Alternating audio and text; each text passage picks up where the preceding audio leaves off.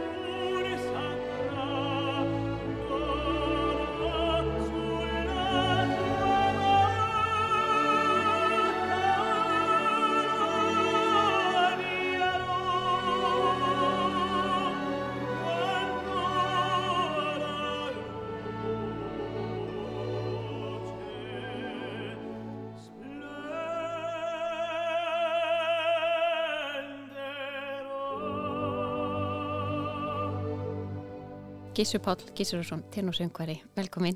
Takk fyrir. Gott að fá þig.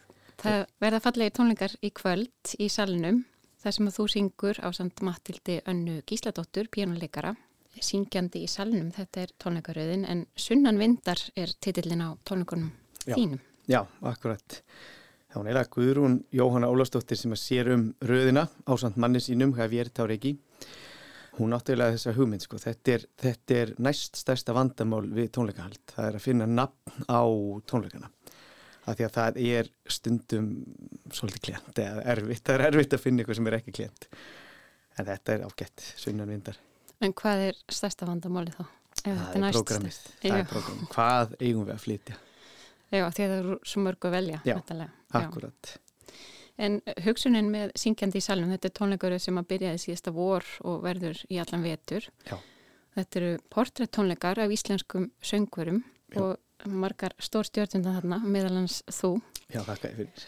Er prógramið í kvöld, er það lýsandi fyrir þig? Er þetta raunverulegt portrætt af þér sem söngvara? Já, þetta er mjög góð spurning. Já, ég, ég, ég held það. Ég held það. Þetta er svona, í raun og veru svona algjört eh, blandípoka en við höldum okkur algjörlega við ítalska sönglist frá aðtilu með einni undantekningu sem er uh, tónskáld sem heitir, uh, hér réttar að segja, Frans Liszt. Við ætlum semst að flytja ljóðaflokk, eða þess þrjúljóð sem að sem sagt, list samt í tónlistið eftir við ljóð uh, Petrarka sem er ítalst svona, já, alltaf því höfuðskáld eitt af þeim þannig að þó svo að hans er ekki ítalskur þá er músikin alveg sko mjög svona ítalst innblásin mm -hmm. og, og það er svona, já, þetta er portrétt og, og að flytja list á þessu prógrami er uh, líka þessi svona listræna augurun það hefði ábyggilega verið þægilega að taka eitthvað annað en, en þetta, þetta er bæði stórkoslega falleg uh, tónsmíðin er alveg ótrúlega fjölbreytt og stór og uh, ljóðinu þetta mjög já, falla vel að þessari tónlist. Þannig að ég, ég setti þá prógramið sem svona persónlega augurun Já. Þetta spannar tvær áttundir og þessi þrjú ljóði eru 20 myndir í flutningi og þetta er svona doldið, já, þetta er áskorun. Er það mikið partur að því að setja saman góða efniská að hafa mátilega miklu aðurinn? Já, það er það, það er það. það en það, það er líka, sko, það er svolítið mikið eftir kannski tílefninu og þegar maður færi mitt tækifæri til að uh, vera einn með heila tónleika í salnum til dæmis sem er alveg frábær staður til að halda svona tónleika passlega stór og passlega lítill og allir eru nálagt og maður getur leikið sér með allt mögulegt þá, þá er mikilvægt að setja inn eitthvað sem svona ítir manni aðeins út fyrir þægindaramann mm -hmm. algjörlega En þú ert á heimavelli í ítalski tónlist, þú bjóst þar heilengi eða hvað? Jú, þetta voru svona samanlagt uh, upp undir 8 ár sem ég bjó í Ítalju og ég held nú að áraföldin sem slíkur kannski segi ekki alla söguna því að ég, við, ég og, og Sigrun kona mín við, við einhvern veginn uh, byrjuðum á því að læra tungumáli í háskóla fyrir útlendinga þannig að við komumst mjög fljótt inn í samfélagið og og einhvern veginn Ítalja varð bara algjörlega partur af okkur og okkar lífi og er enn sem sagt þannig að mm. hérna ég er einhvern veginn alltaf eftir þess að döl bara hálfur og hálfur sko já.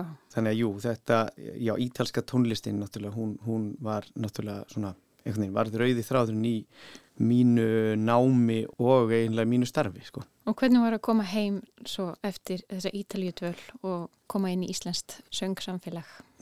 Já, það er góð spurning sko. Sem betur fer þá uh, svona mann maður ekki allt en þú veist, það sem ég mann var að það var auðvitað, Ísland er svo mörguleiti svo ólíkt eins og Ítalju eða bara öllum svona gömlum samfélagum sem eiga samfælda sögu langt, langt aftur í aldir því að þó við um okkar fortbókmentir þá er okkar svona vitund og okkar svona einhvern veginn, maður tengir ekki beinlinis einu sinni við sko torfbæjarlífið mm -hmm. en á Ítalju þá er til dæmis mjög gjarnan vitnaði í svona hugtaka orðum eða máltækjum vitnaði bara César og, og, og Kó sko, þú veist, þannig að svona bara, já, einhverju svona random daglegar hérna, þrætur eða dagleg hluti sem að allir tengja við bara eins og César gerði, veist, sem er þá fyrir Krist. Þannig að Það er ekki margir í dag kannski vitna í Egil Skallagrimsson Nei, nei, einmitt. Þannig að þú veist, já, það, það var rosalega, það var áhugast Ég man eftir, ég fekk svona sögu samhengis svima þegar ég hérna, bjó í Ítali, við byrjum sérst, að læra tungumálið í bæ sem heitir Siena sem er í miðju, bókstafli í miðju Toskana hér að þið og sábær er bara nánast eins og hann hefur verið uh, síðan á endurist svona síðan 1200 um það byll. Vi, við byggum í alveg nýjasta hlutanum og bíbúðin okkar var svona 300-400 ára komul semst nýja hverfið og uh, þannig er maður gangum götur og, og svona í, í, í, í þessum bæ sem að einhvern veginn hefur er bara alveg eins og hann var á endurreysna tímanum og svo fer maður til rómar eða fer á söpnin og einhvern veginn þú snertir þessa eða þess að ég náttúrulega hef ekki raunverulega snert eða þannig marmarasalurinn í Uffizi-safninu þar sem eru baðker frá hérna, Rómarveldi og, og svo framfyrir, jável líka frá gríska heimsveldinu og maður einhvern veginn kemst í svo sko óþægilega snertingu við hlutina. Ég man til dæmis þegar ég fótt í Sikiljar hérna fyrir, það var nú bara 2019 reyndar og ég fór að skoða það í Dómkirkuna í Sýrakúsu sem er, já, hún, hún er frá í raun og veru uh, gríska heimsveldinu, ætlum sé 3000-3500 ára gömul. Og ég man að þetta var mjög heitur dagur og ég kem út úr kirkuna það er mikið svona mók og ég fer hljemegin við kirkuna í, í skuggan og sest á sagt, uh, grunninn, það eru svona, þetta var upprunnulega gríst hof, þannig að það eru svona stóri steinar sem eru svona lagðir í, í grunninn, settist á hann og, og hugsaði, já, fyrir 3000 og, eða 3500 árum þá satt hér, já, um ferstuðu maður og, og nöytið þess að vera í skugganum á nákvæmlega sama stein. Og þetta mm. er einhvern veginn svona, þetta verður svo áþrjámanlegt og eitthvað skrítið. Og svo er það líka tungumálið og hugafarið og, og svona alls konar hugsunarháttu sem að maður finnur að tengist öllu þessu umkörfi sem er allt í samhengi. Þannig að fyrstulega var mjög áhugavert að koma í þetta umkörfi og svo aftur mjög áhugavert að koma til Íslands að því að til dæmis á þessum fáu árum sem við byggum þannig þessi átta ár þá bara einfallega var búið að breyta þú veist öllu sístemunni kringum hérna ringbraut og miklubraut þannig ég rataði ekki eins og sko, í, í bara þessari litlu borg sem að Reykjavík er því ég kom tilbaka og það fannst mér mjög merkilegt og eiginlega opboslega skrítið mm. og í raun og veru maður átt að segja á því kannski hvaða er hættulegt að henda sögunni mm -hmm. og þannig ég fór að hugsa til, til dæmis með torfbæi, brakkana, allt þetta auðvitað er þetta eitthvað sem var ekki kannski endilega, þú veist, gleðilegt og við, við höldum ekki mikið upp á en þetta skipti máli og það skipti máli að þetta sé til og þetta voru þetta var allt saman, voru allt saman sagt, vörður í áttina því samfélagi sem við erum í dag. Menningarsagan er mikið vekk. Mjög. Þó viljum mjög. kannski ekki endilega setjast fyrir utan Volta Kona. Nei, heimilt. Og Íslandingar alltaf voru bara sára fátækir og byggu við sko óbyggilega raðstæður þanga til bara eftir setni heimstyrjöld og ég held í staðin fyrir að, að vera með einhverja skömm yfir því að við höfum verið sárafátt þjóð þangat til fyrir veist, 70 árum að þá eigum við mitt að horfa til þess bara fyrir eitthvað stolt og svona þú veist sátt við hvað okkur tókst. Hmm. miklu frekar. En það hafa líka öll menningarsamfélag sitt ljós og sína skugga. Klárlega, það, það er náttúrulega líka á Ítalíu. Það er náttúrulega veist, það er ansi, ansi margt sem að svona í svona baksínspeklunum að að þegar við flytjum heima þá gerum við það bara einfallega vegna að við eignuðumst okkar uh, fyrsta barn. Vi, við flyttum sex mánum eftir hún fættist tóttur okkar eldri og það var mjög góð ákvörðin. Vi, við vorum bæði hvori sínu hortni búin að einhvern veginn melda þetta og, og langaði heim mm. og það er svo gott að koma sattur og sáttur heim. Því þá sér maður samfélagi líka svolítið svona ofanfrá og lærir að sjá það sem að maður tók sem algjörlega sjálfsögur hlut til dæmis og, og njóta þess og nýta mm -hmm. þannig að það, er, það var mjög, mjög áhugavert sko. Þú ert mjög aktífur þess að dagina að syngja út um allar trissur Jú, mikið að gera Er þetta ólíkt líf og þú myndir kannski upplifa á Ítalíð, þú hefur starfað þar líka Já, sko munurinn á því að vinna hér og, og að vinna já, í sem sagt bara Evrópu ef við getum orðað þannig er sá náttúrulega óperusöngari er yfirleitt að sinna bara óperu söng og einstaka tónleikum og, og, og slíku. En á Íslandi þá náttúrulega bara gerum við allt mögulegt. Syngja í veislum, syngja við útfarir og bara syngja út um allt. Þannig að hérna það verður svolítið svona sundurleitara og, og tættara og fleiri snertifletir. Þannig að báðar senur hafa sinn sjarma. Mm -hmm. þannig að hérna En Ítali á sér langa óperusögu og þar er fólk verðingu fyrir óperunni. Jú, sannilega En á Íslandi er líka mikil söngkultur og, og mikil áhuga á söng. Já, það er alveg klart og ég hugsa líka eina af stærstu ástæðinu fyrir því að sko, Ísland eh, var náttúrulega bara svona algjörlega sko bara út í gegn svona söngþjóð. Það hefur aðeins minkað en það lifir nú samt ábyggilega í okkur ennþá Uh, og ég held að ástæðin fyrir því uh, sé einfallega svo að fram eftir öldum var bara nákvæmlega engin hljóðfærakostur á Íslandi. Þannig að fólk söng og það er náttúrulega bara frábært og það er alltaf gott að syngja, ég tala ekki um þegar allir syngja saman. Mm, Það getur haldið í manni lífinu. Algjörlega, algjörlega. En í, á tónleikunum í kvöld þá ætlar þú kannski bjóða upp á það besta af þessari ítalsku menningu. Já, já, við ætlum svona að reyna að ég og Mattildur Anna Gísladóttir sem spilar með mér, pianisti alveg hreint frábær. Við ætlum sem sagt að um, í raun og veru svona fara svona, já, yfir svona kannski, ætlum við segjum 150 ára svona blómaskeið ítölsku svona óperu og sönglaga hefðarinnar. Þú veist, ég held að það sé svona besta lýsingin með þessu fráviki sem list er bara svona til þess að íta, íta mér út fyrir þægindaramann. Já, það er til mikið að hlakka og bara gangi ykkur vel, tói tói. Já, takk hella fyrir. Takk, fyrir. takk fyrir komuna. Takk fyrir.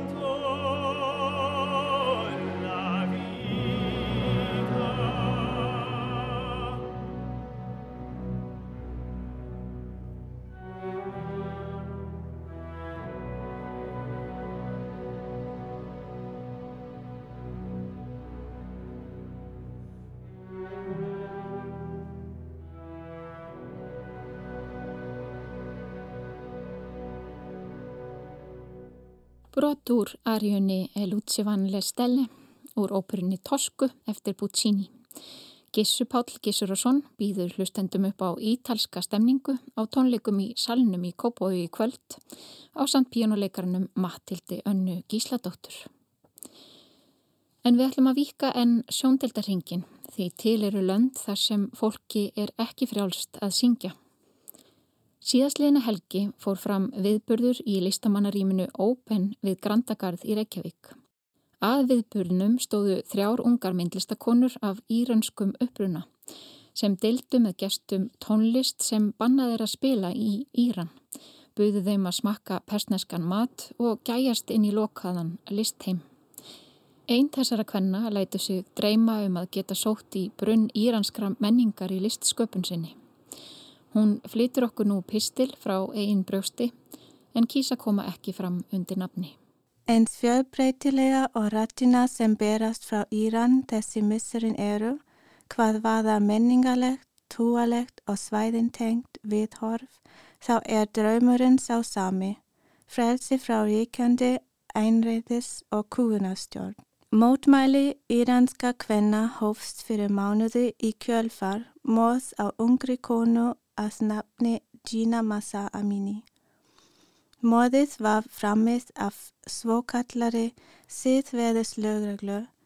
Gina hafði verið handtekinn vegna þess að það sjást í hár hennar undan slæðunni sem hún bar, sem er ekki í samræmi við reglur írensku einræðistjórnarinnar. Lengi hafa Íranir haft áhyggjur af reglum síðalögreglunar og ofbeltisverkum hennar. Mótmælinn hafa breyst út um all landið og þeir Íranir sem eru í útlegt um allan heim hafa einnig mótmælt einræðistjórninni í Íran. Nú ríkja sammenning, ungja sem altnir, konur og kalla, börn og kennara þeirra. Verkafólk, millistett, námsfólk, lækna, lögfræðingar, slæðuklætt eða ekki. Öll saman berist hlið við hlið fyrir frelsi gegn einræðinu. Við í Evropu fáum stöðugán en takkmarkaðan frettaflutning af ástandinu. Skót ára sér á börn að mótmæla. Handahófskenda handtöku á gödum úti. Konum er nöðgat í fangelsum. Konu án höfuð klúta eru baða til döða. Nefnendur eins og nefnendunir í Sharif háskólanum í Teheran eru leitaði uppi og drefnir og bladamönnum er rænt. Á hverjum degi ekst fjöldin, fjöldi mótmælenda og fjöldi ofbeldisverka. Að baki hverja tölu ríkja draumurinn um frísælt Íran. Hér er dæmi um hérna 15 ára Asra Panahi. Að fyrir skipan stjórnarinnar átti Asra ásamt fleiri stúrkum að syngja salútkommanda umdeldan söng fyrir börn sem Hitler leiðtoga Írans allir Khamenei. Þess í stað sungust þær breytan teksta. Dauði einræðis herrans og einkunnar orð byltingarinnar, zanzendigi azadi, konu líf frelsi og tóku af sér slæðuna. Og einkennis klættir lögreglumenn komu síðan inn í stúrkunaskólan drápu Azra Panahi, handtöku 19 nefnendur ásamt við að önnu stúrka líka í dái vegna áverka sem hún hlaut. Í Íran hafa týjir þúsunda verið handteknir og ekki er vitað um nákvæman fjölda myrtra. Einræðistjórnin á í stríði gegn eigin íbúm. Sérstaklega í herðum kurda á þeim svæðum sem flest mótmælinn eiga sér stað reynir herrin og aðri vígamenn að stjórna með skótarásum. Heilu borgerna líkjast stríðsvæðum. Til þess að koma í veg fyrir að myndum og myndböndum af óðæðinsverkum íranska hersins og lögreglunar berist sem viðast er netinu skamtað. Farsíma samband hefur ekki náðst vikum saman og nettinging heimila mismikil eftir svæðum og einnig háð fjölda mótmæla á hverju svæði. Einungis er hægt að skoða aðra vefsíður en áróðus síður. Einræðistjórnarina með VPN þjónustu. Mikil áhætta er fólkin í því að opinbera myndbönd og myndir af ástundinu. Svo því meira ástæða fyrir okkur að hunsa ekki slíka byrtinga. Verum rödd fólksins í Íran. Magföldum rætti íranska kvenna. Byrtum voðavegg kúunar stjórnarinnar. Deilum þeim á samfélagsmiðlum og leitum að upplýsingum um mótmæli í Íran. Í áraræðja hafa yfirföld í Íran notið refsileysis gagvar göðum þeirra. Svo vitna sé í Amnesty International.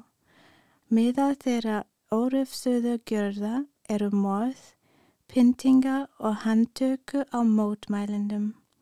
Með því að viðurkenna okna harstjórn múlasins málum við einnig eigin hendur með blóði þeirra saklausu.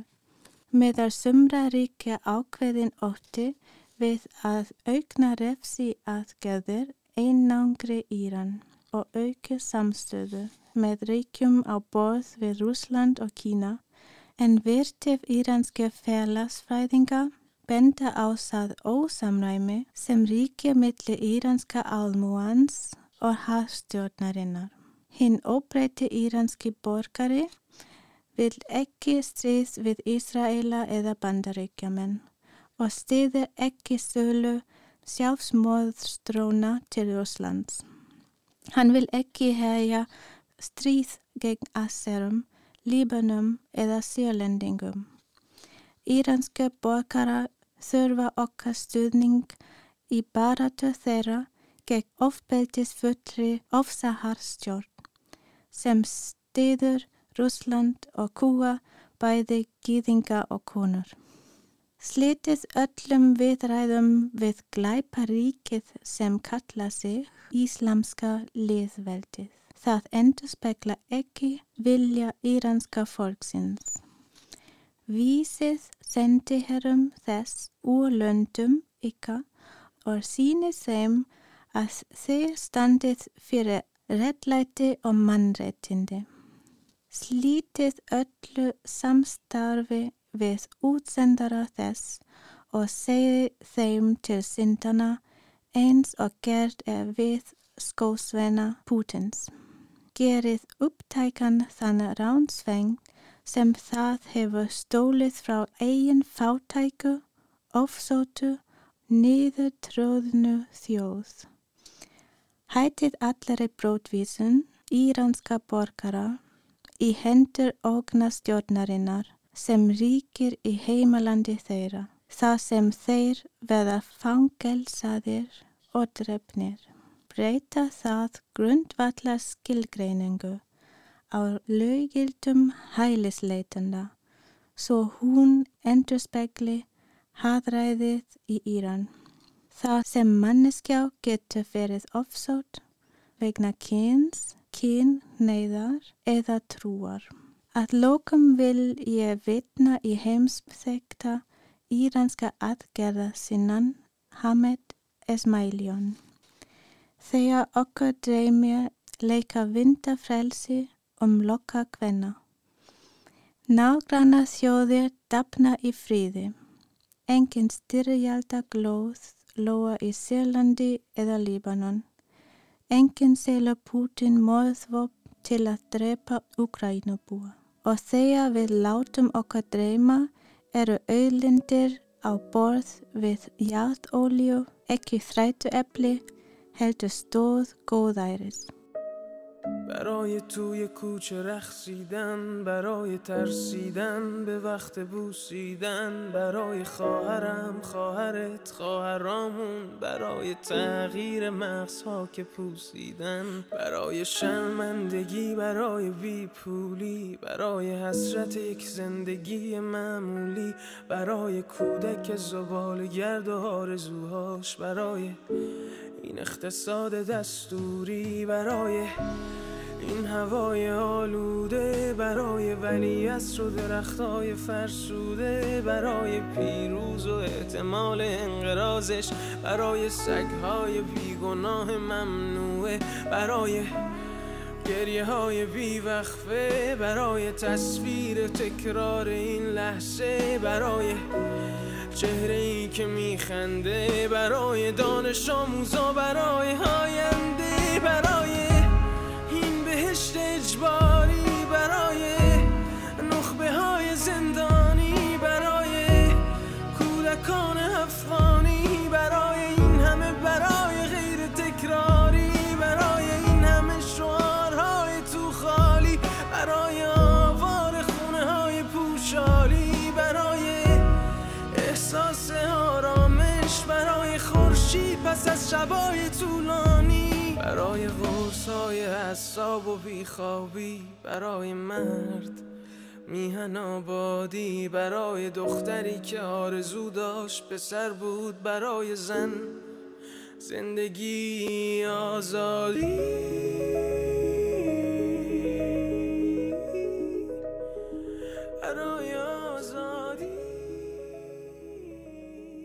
Hér í lok pistils frá ónemndri myndlistakonu af íranskum uppruna hljómaði lag Sjervin Hachipur Barai.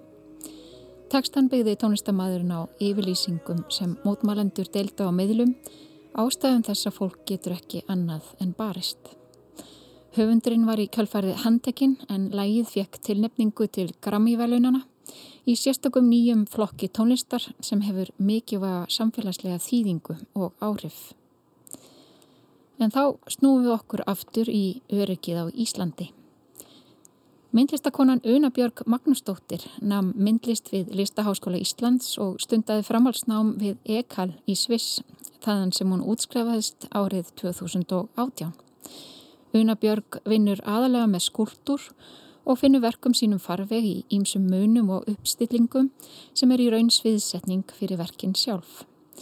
Verkin eru oft reyfanleg eða gefa frá sér hljóð, þau eru kunnuleg en augra á sama tíma álíktun áhorndars.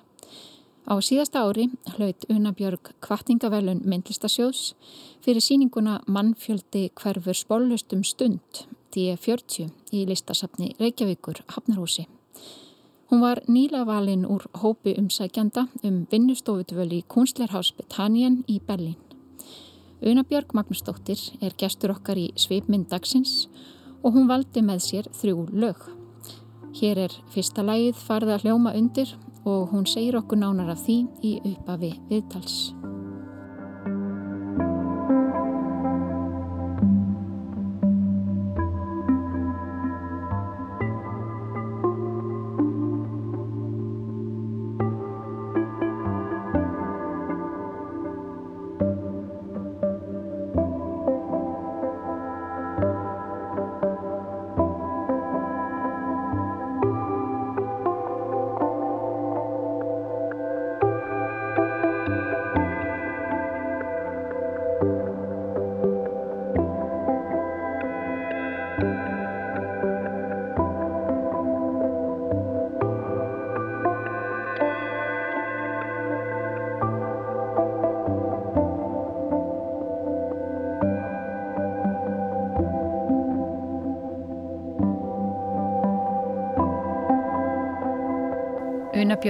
Björg Magnúsdóttir, myndlistakona, mætti í, í þetta viðtal með kassettu, glimmer kassettu með þessu lægi.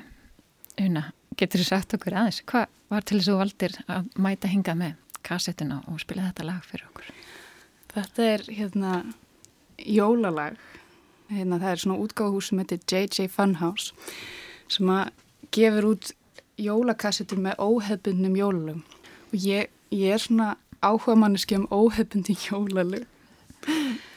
Já, og ég fekk þess að kasseta gjöf í fyrra.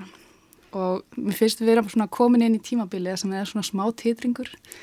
Má spila jólalög, má ekki spila jólalög. Og þá, þá er fínt að hafa þessi jólalög og ég, sko, mér sérstaklega hugsa til Kristínar önnum, móðursýstu minna sem að henn finnst aldrei að snemma að byrja. Þannig að þetta er svona henni til heiðs mm -hmm. Þetta er mögulega fyrsta jólalagi sem við laumum hérna í dasgránu, ég held þetta sé bannast Mögulega. Þetta er óhæfbundi jólalag. Já, þannig að svona leini, leini jólalag. Þetta er áhæft sem þú segir og það verður lengi verið áhuga manneski um óhæfbundin jólalag. Hvernig byrjaði þessi áhugi?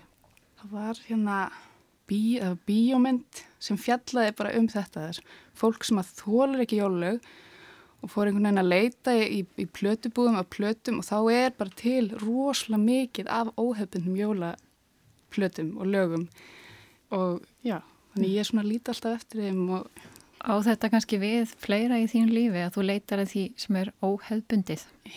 Já, ummitt e, Já, kannski Eins og bara í þinni listsköpun? Ummitt mm. Jó, og það verður kannski bara svona óartinguninni óhefbundi líka, ég samt er svona ég leita líka því sem er mjög hefbundið mm -hmm. en í einhvernum öðruvísi búningi. Næstu í svona í felbúningi. Þannig að kannski er þetta jólalag bara svona metafóra fyrir verkjum Það voru alltaf ná jólabjöllur þarna sko þannig að Já, einmitt Gaman að byrja þetta spjall á jólalagi Unnabjörg, en við skulum fara aðeins aftur tilbaka og fá að spyrja þessum út í það bara hvernig þú fannst þína röttin en myndlistarinnar, mannstu eftir því hvernig það var? Mína rött, já ég hugsa þessi bara ennþá, ennþá að því svolítið. En ég var einmitt svona það er gott að fá svona spurningastundum að ég fór aðeins tilbaka og var að hugsa þetta hvenar einhvern veginn í kynnist myndlistinni eða einhvern veginn svoleis en þá er alltaf alls konar í gangi þó maður takk ekki eftir því.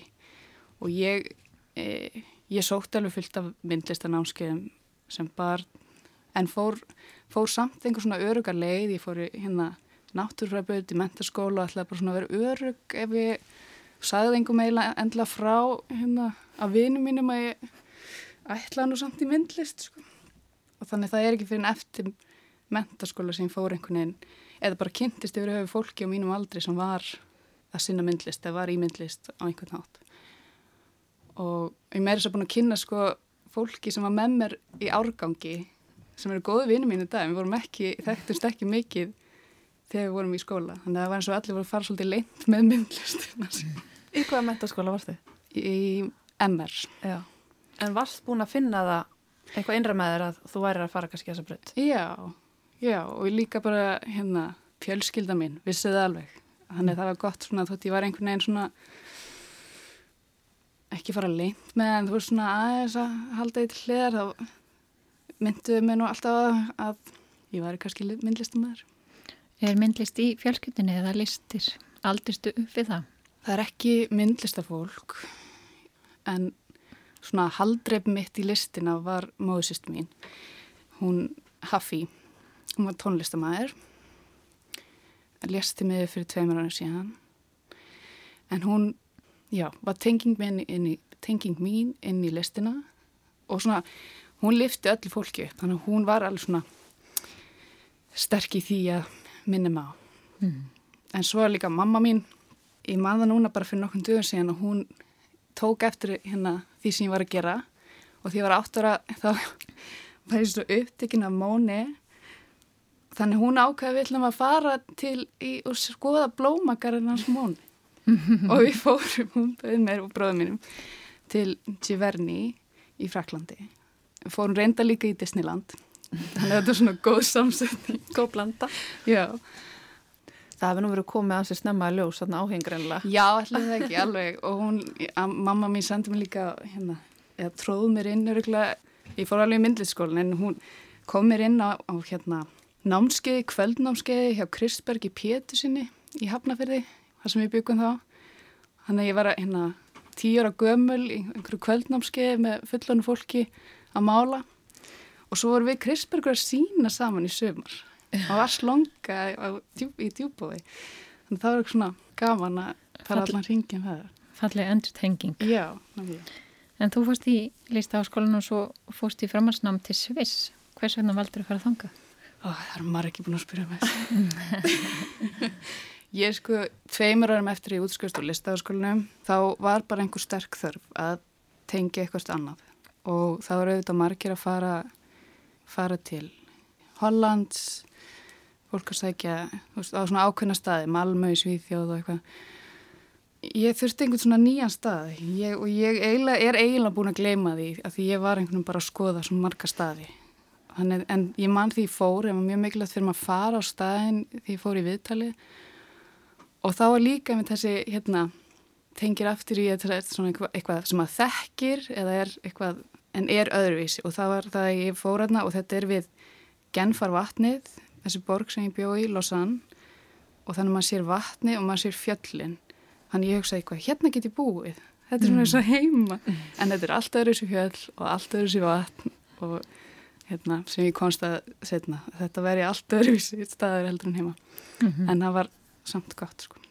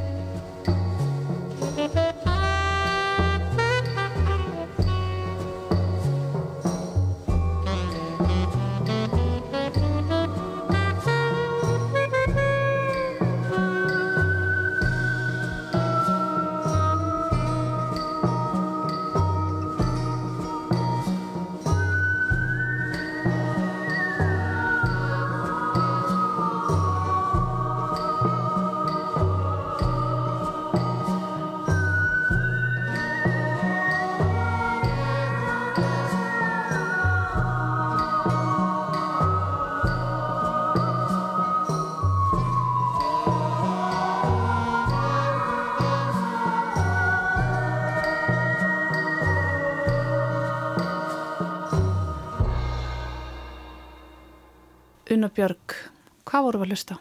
Þetta voru Molly Lewis og lagið um, Oceanic Feeling.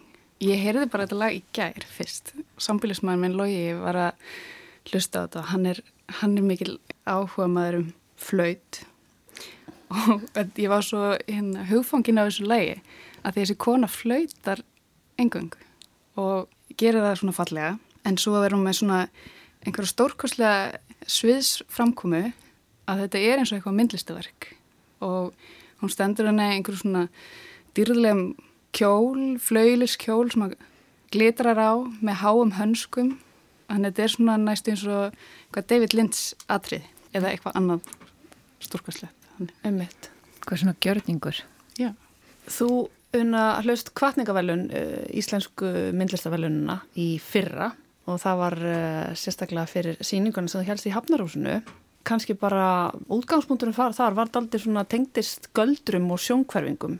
Já, ummitt. Það, ég tillaði síninguna Mannfjöldi hverfur sporlöstum stund og það, ég, það var mín þýðing á Vanishing Crowd sem er atriði sem að David Copperfield gerði, eða flutti þar sem hann lætur hópa fólki hverfa eða fólk úr áhörndahópnum hverfa og byrtast annar staðar e, nær samstundis þegar hann var búin að flytja í mörg ár eins og, eins og gengur og gerist í bandaríkinu og það var einhver þáttakandið sem kerði hann og hann neytist til þess að útskýra hvernig hann framti þetta atriði Þetta var alveg frækt mál, voru ekki réttarhöld? Og, Jú, já. stór réttarhöld og það sem hann stöndur hérna í réttarsalunum og er að útskýra.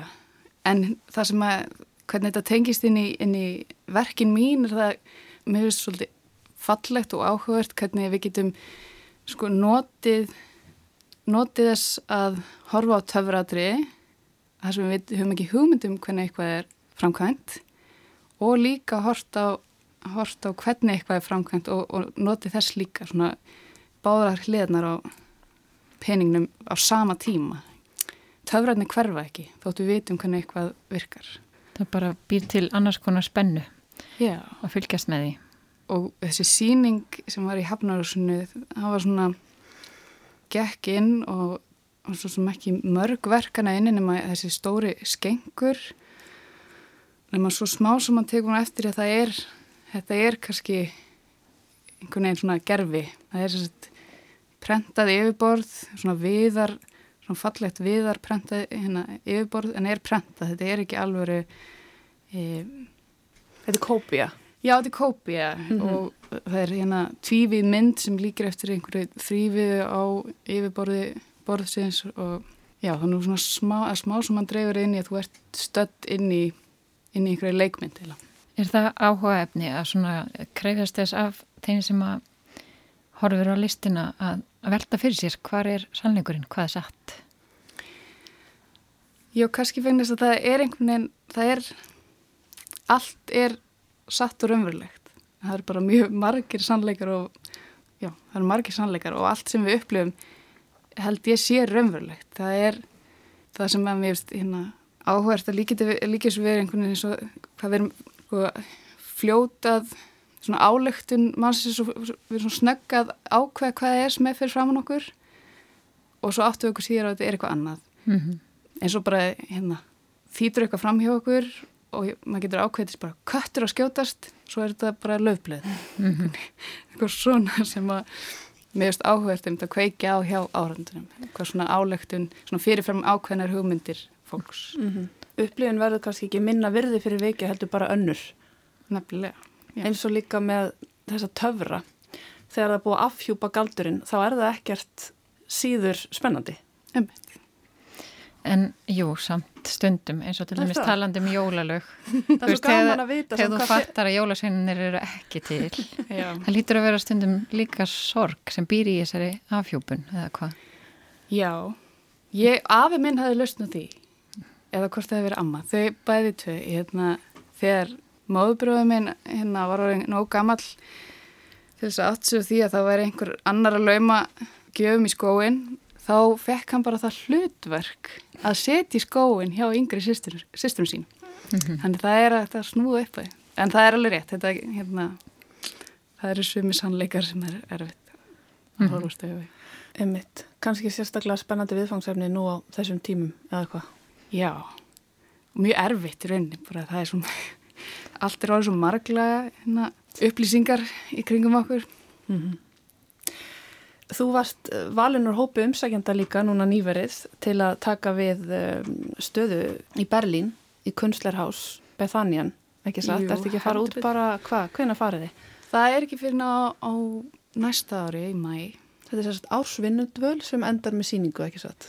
Já, þetta er vinnustofudvöl og þar er maður með stúdjó og hérna stað til að gista og, og svo eru aðri listumenn líka þannig á saman tíma sem er að vinna vinna sinni myndlist og svo kemur fólk í vinnustofu heimsóknir þannig að þetta er mjög frjór tími ímyndaði mér mm -hmm. Mikilvægt að fara út og skipta um umhverfi og nærast annar staðar Já og ég hérna, hef ekkert farið síðan ég var í námi einhvern svona lengri tíma en hérna, alltaf ferðast mikið fyrir myndlistina þar Mm -hmm. Og ég var um hérna að því inn á Garðinars Móni aðan. Það var líka löngu setna sem að því var í námi í listafarsklunum. Þá var, var ég nýbúin að kynast verkum Yayoi Kusama og það var stór síning í teit með verkumennar. Og mér langaði svo að fara. Og, en ég ímyndaði mér ekki, ég gæti ekki ímyndaði mér að ég ætti að fara þess að sjá eina síningu. En ég saði með minni frá því og hún ákvaði að við skildum fara og mér fannst það næstu ekki réttlanlegt að fara til að sjá eina síningu en núna ferði ég sér næstu engöngu fyrir myndlist. Þannig að til að sjá myndlist eða, hérna, eða vinna myndlist. Þannig. þannig að þú ferðast til að sækja þér kannski innblastur og kynna þér hvað aðri listamennur að gera. En hvað gerir þú annað til að sækja innblastur? Já, ég hef ótrúlega gafin að bókum. Allt sem að við kemur bókum. Og það, og það er kannski bara tengið síðan út í eitthvað svona grúsk að skoða, skoða hluti. En svo er líka rými bara rými yfir höfuð hvort sem það var tilgangi ekki þú veist það er svo, til svona alls konar tegundur af rýmum en svona með svona passív rými einhvern veginn eins og gangar og mm. andiri e, byðstofur það er eitthvað svona mjög áhugavert mm -hmm. í mhm. svoleiðis þannig ég, já, það er, það er kannski helst, ég er bara svona skoð skoða dótt, skoða rými Það er mikið svona ljóðuræna líka í verkunum þínu og svona, maður finnur einmitt, þetta er svona eins og ganga inn í upp af leikrits. Sviðsmyndir. Sviðsmyndir, já. Emi, ég, takk fyrir það, ég, hérna, ég, ég mitt sæki sko ekki í einhvern veginn, ég valdi ekki sko að raunverulega sviðsmyndir, en það er, það endar alltaf einhvern veginn þannig í verkunum mínum. Mm -hmm. Og líka hérna, ég var, tók þátt í samsýningu nýlega og mér fannst það einlega gekk ekki bara svona að setja eitthvað verk inn. Og þá endaði einhvern veginn að búið til handrið eða skúltur sem var hérna, hegðaði sér eins og handrið. Og þá var einhvern veginn svona að þykjast vera inn í rýminu einhvern veginn eða svona að vera þáttakandi í þessu rými mm -hmm. og virkaði sem einhvers konar brú. Já, mm. hlæði ekki. Unnabjörg, við erum alveg að fara að vera á komnar liðalokum með þessa svipmynd en uh, við ætlum að sjálfsögða að fá að spyrja þig nokkura prústspurninga í lokin óvandarspurningar, mhm. hraðaspurningar nokkur skonar okay. og svo endur við að sjálfsögða á einu góðu lægi sem þú komst með Margarga, viltu taka fyrstu spurninguna? Já, það er gaman að spyrja þig að henni að þú varst að tala um bækur áttu þér upp á allt skáld? Ég segi bara fyrst Tófi Jansson Já. Hver er þinn stærsti ótti? minn stærsti ótti er ég, það hlýtur að vera stöðnun. Já, eða er... bara því að ég er svona hægt að anda næsmá stund þess að spurning Það er mjög skiljanlegur ótti. Og þá er það loka spurningin hvað kanntu mest að meta í fari annara? Gjámildi alls konar, bara fólk sem er op með opið hérsta mm. Takk fyrir það, Unna Björg Magnúsdóttir. Við ætlum að fá að ljúka á lægi. Hvað ætlar að færa okkur hér í lókin? Ég ætla að fá að spila hérna lægið eða þetta er ábreyða af Voodoo Ray sem hérna, Jeremy Deller, listamæður, lit gera fyrir síningu sína Feni að tvírengnum 2013. Það sem að Melodians Steel Orchestra spilar hérna á stáltrómur lægið Voodoo Ray sem er, já, bara fallegt